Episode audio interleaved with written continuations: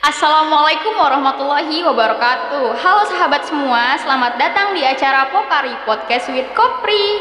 Selamat malam semuanya, ada Intan nih yang bakal nemenin aktivitas kalian semua selama 15 menit ke depan. Tetap stay tune di Pokari Podcast with Kopri. Halo sahabat-sahabat semua, nah malam minggu di episode yang keempat berarti ya. Aku ditemenin sama senior hebat banget. Wah. ketua ketua kopri pertama di kopri anah loh. Tepuk tangan.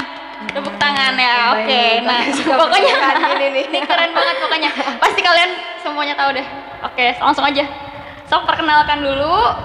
Kenalan dulu nih. sama ininya gelarnya sekarang gelarnya. Aduh. bisa bisa pamer Ya, oke eh, teman-teman, eh, sahabat-sahabat semua, perkenalkan nama saya Pajri Astuti. Saya berasal dari Kuningan. Kebetulan di YIN Syekh Nurjati Cirebon, sempat di jurusan bimbingan konseling Islam. Sempat, oke, siap siap. Jadi gimana nih kak kabarnya dan apa sekarang sibuknya? Alhamdulillah baik. Eh, Sekarang-sekarang mungkin lagi sibuk di desa inklusi ya, cuma di desa inklusi aja.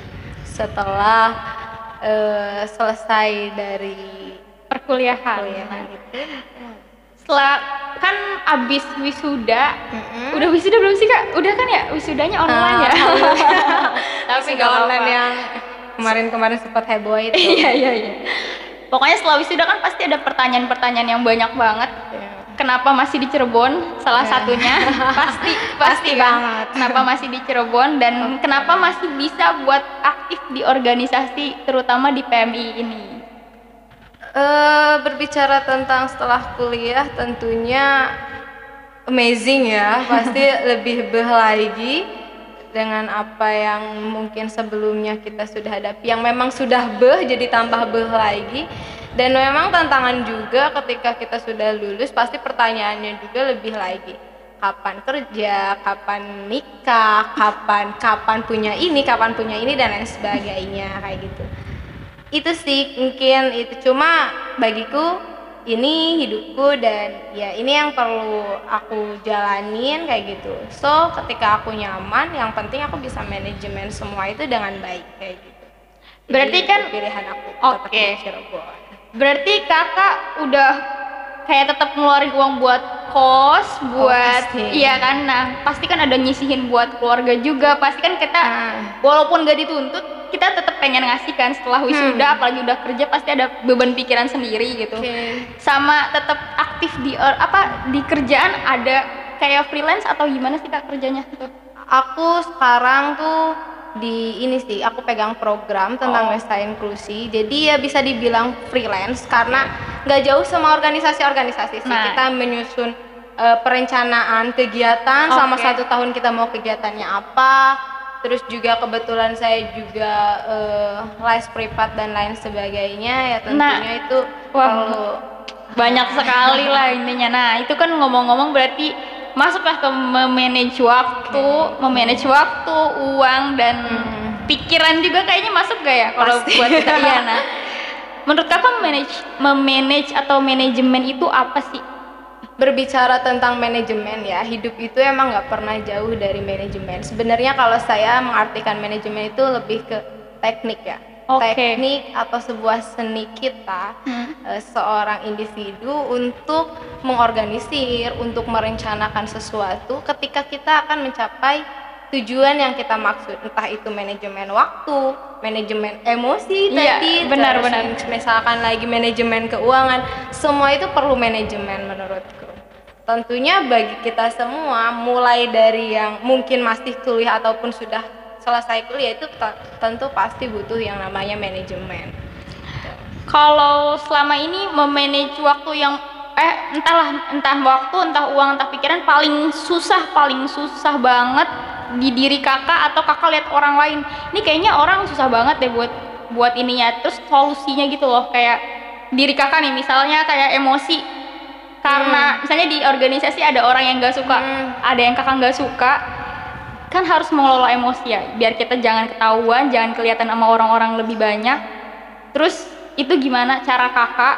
Biar orang-orang banyak banget nih soalnya termasuk saya ya banyak nggak bisa banget ngumpetin buat kalau rasa kesel sama orang tuh nggak bisa. Oke. Aku selalu bilang kalau kita itu nggak perlu hidup berpura-pura. Jadi so kita harus cari jalan keluarnya sendiri. Oke. Tanpa kita harus menutupi itu. Jadi ketika kita berbicara tentang manajemen emosi, manajemen keuangan ataupun manajemen waktu, yang pertama kita harus punya tujuan.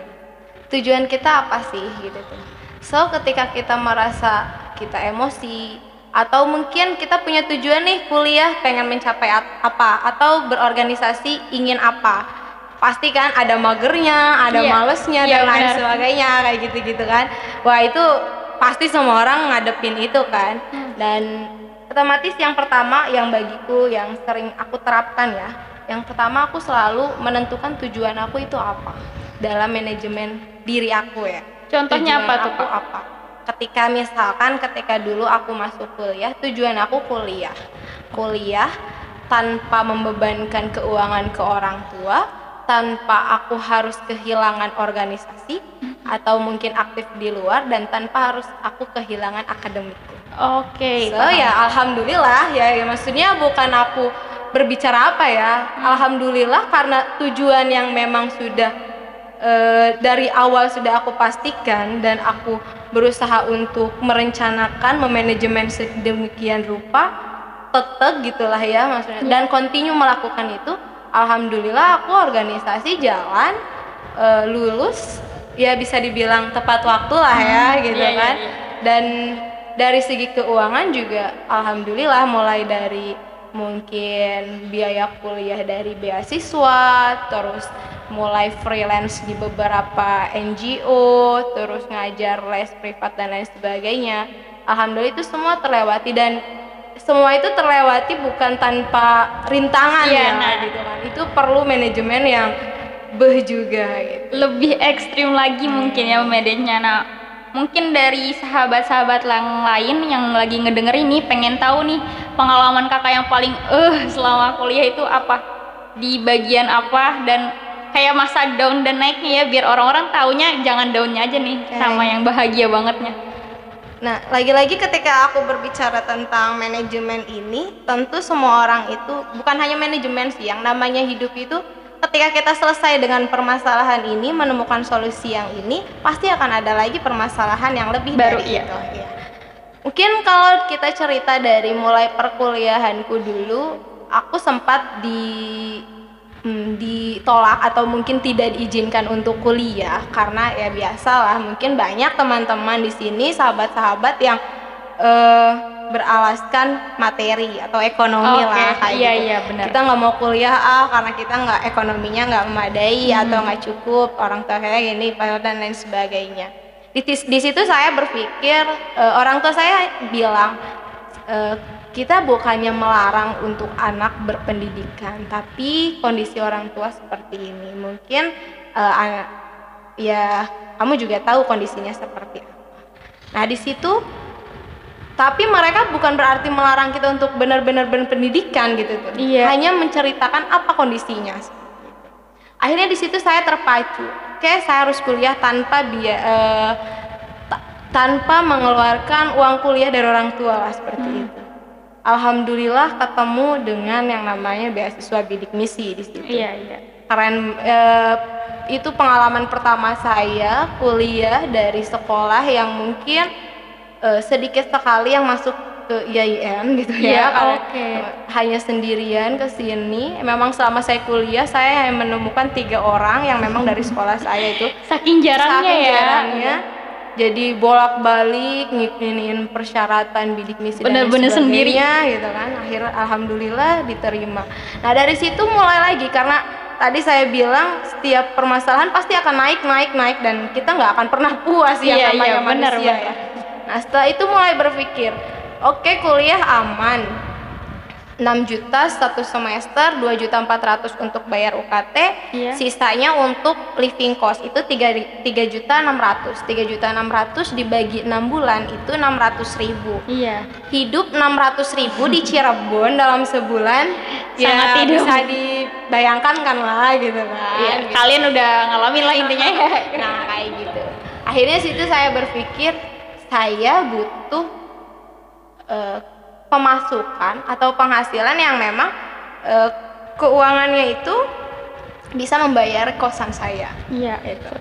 di situ memang perlu manajemen juga ya gitu Hmm. manajemen waktu emosi sama manajemen keuangan manajemen keuangan gimana caranya kita bisa menghandle keuangan kita man- manajemen keuangan kita biar pengeluaran itu tidak selalu defisit setiap bulannya Iya, iya, iya. gitu kan terus manajemen emosi juga tentulah kita di Pasti. perkuliahan Apalagi- teman-teman yang Iya. hedon-hedon Apalagi yang anak ngomong- baru masuk kuliah Nah, banyak gitu banget beda kultur orang kayak ini jajan mulu di sini Nah, lagi gue kan itu. pengen nah itu itu bener-bener ma- memanage itu kudu ekstra Udah. tetap ya yang namanya egosentris orang ya pasti Iya, kan pasti. duh gila ya kok orang lain kayaknya enak banget sih Iya. gitu kan nongkrong nongkrong main-main ke mall kok kayaknya dia nggak gitu. ngebebanin uang gitu ya buat gitu. kita yang mikirin nah sedangkan kita kok buat makan aja nih tapi ya itu manajemen kita Iya. ketika kita syukurnya udah oke ikhlasnya udah oke manajemen emosi teratasi lanjut manajemen eh, waktu juga otomatis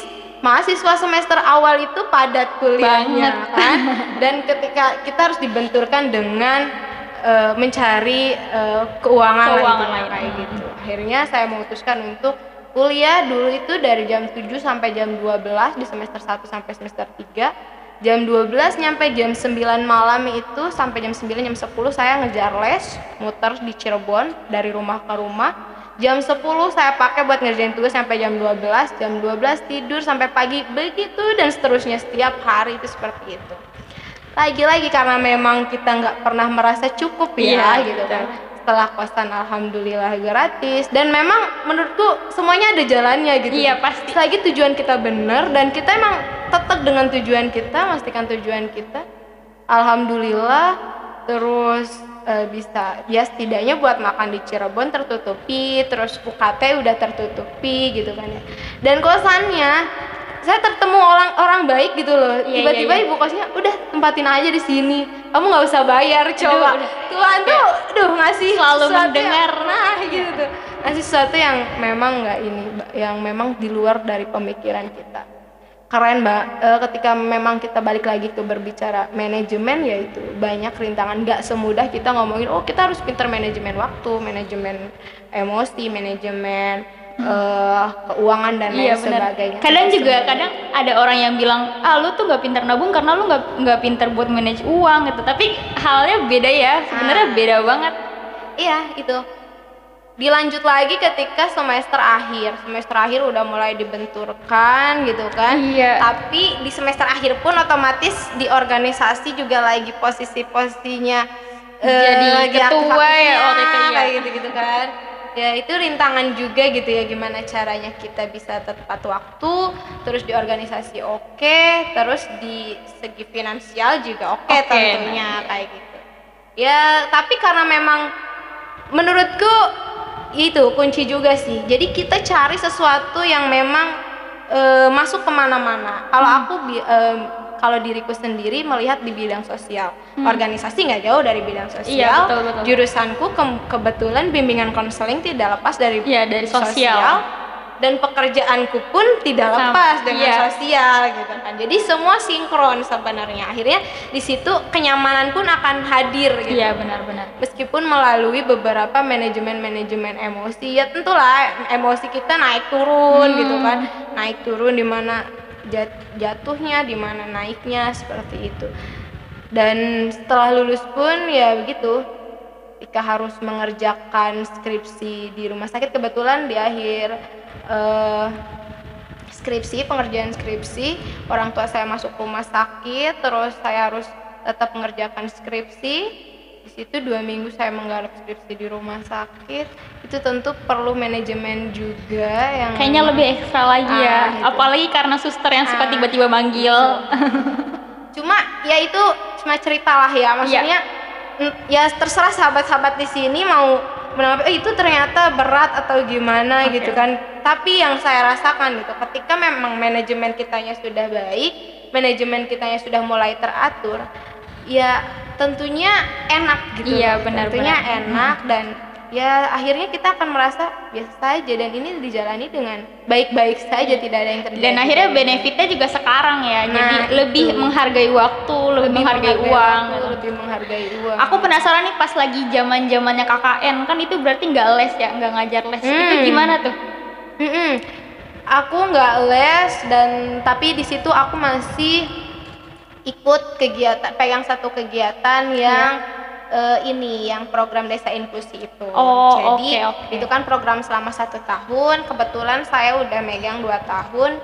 Yang pertama di admin, yang kedua di koordinator. Nah yang di di bi- dua bidang ini memang punya tugas yang berbeda gitu kan ya. Hmm. Cuma memang ketika kita berbicara tentang pekerjaan sosial ya, tentunya waktu juga sesuai kita. Iya, gitu iya, kan. Yang benar. penting output yang kita tuju itu sesuai dengan apa yang eh, kita buat kayak gitu Iya. dan melakukannya ya sesuai dengan output gitu. Jadi waktu bisa kita ya lagi-lagi manajemen waktu. iya benar-benar intinya kita harus percaya diri dulu Nah, sama bisa manage waktu dan intinya niat karena nah, ah. karena Tuhan tuh nggak bakal nggak bakal diem aja nggak bakal kayak ngedemin udahlah biarin dia ini Iya. gitu Hal Umat saya- sederhananya mungkin kalau kita berbicara tentang manajemen ya, ketika kita misalkan pengen eh, merubah waktu, disiplin waktu misalkan, Iya, oke. kita datang tepat waktu dan ketika kita memang belum benar-benar niat dan belum benar-benar menguatkan tujuan kita, so itu nggak akan pernah terjadi. iya benar Itu hanya hanya sebatas angan dan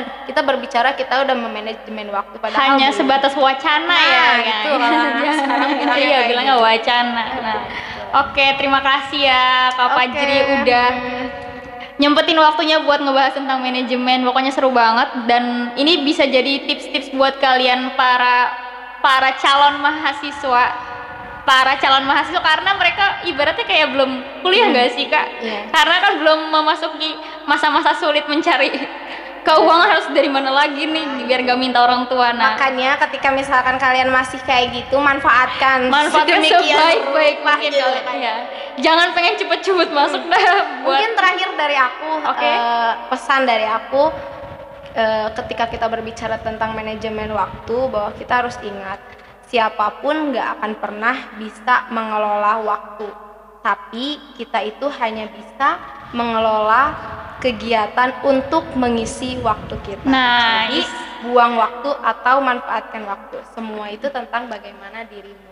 Nah, bisa kalian ambil kesimpulannya masing-masing dan tadi ada pesan juga dari Kak Fajri, intinya kalian tuh semuanya itu ada di diri masing-masing. Kalian mau gimana itu terserah masing-masing. Percuma kalian denger beberapa motivator atau dengerin materi terus tapi kalian nggak nggak kiang-kiang nggak mau berjalan nggak mau berprogres ya tetap aja sama aja Oke, sekian dari saya dan Kak Fajri. Kurang dan kurangnya mohon dimaafkan. Terima kasih sudah stay di Pokari Podcast with Kopri. Sampai jumpa dan salam pergerakan.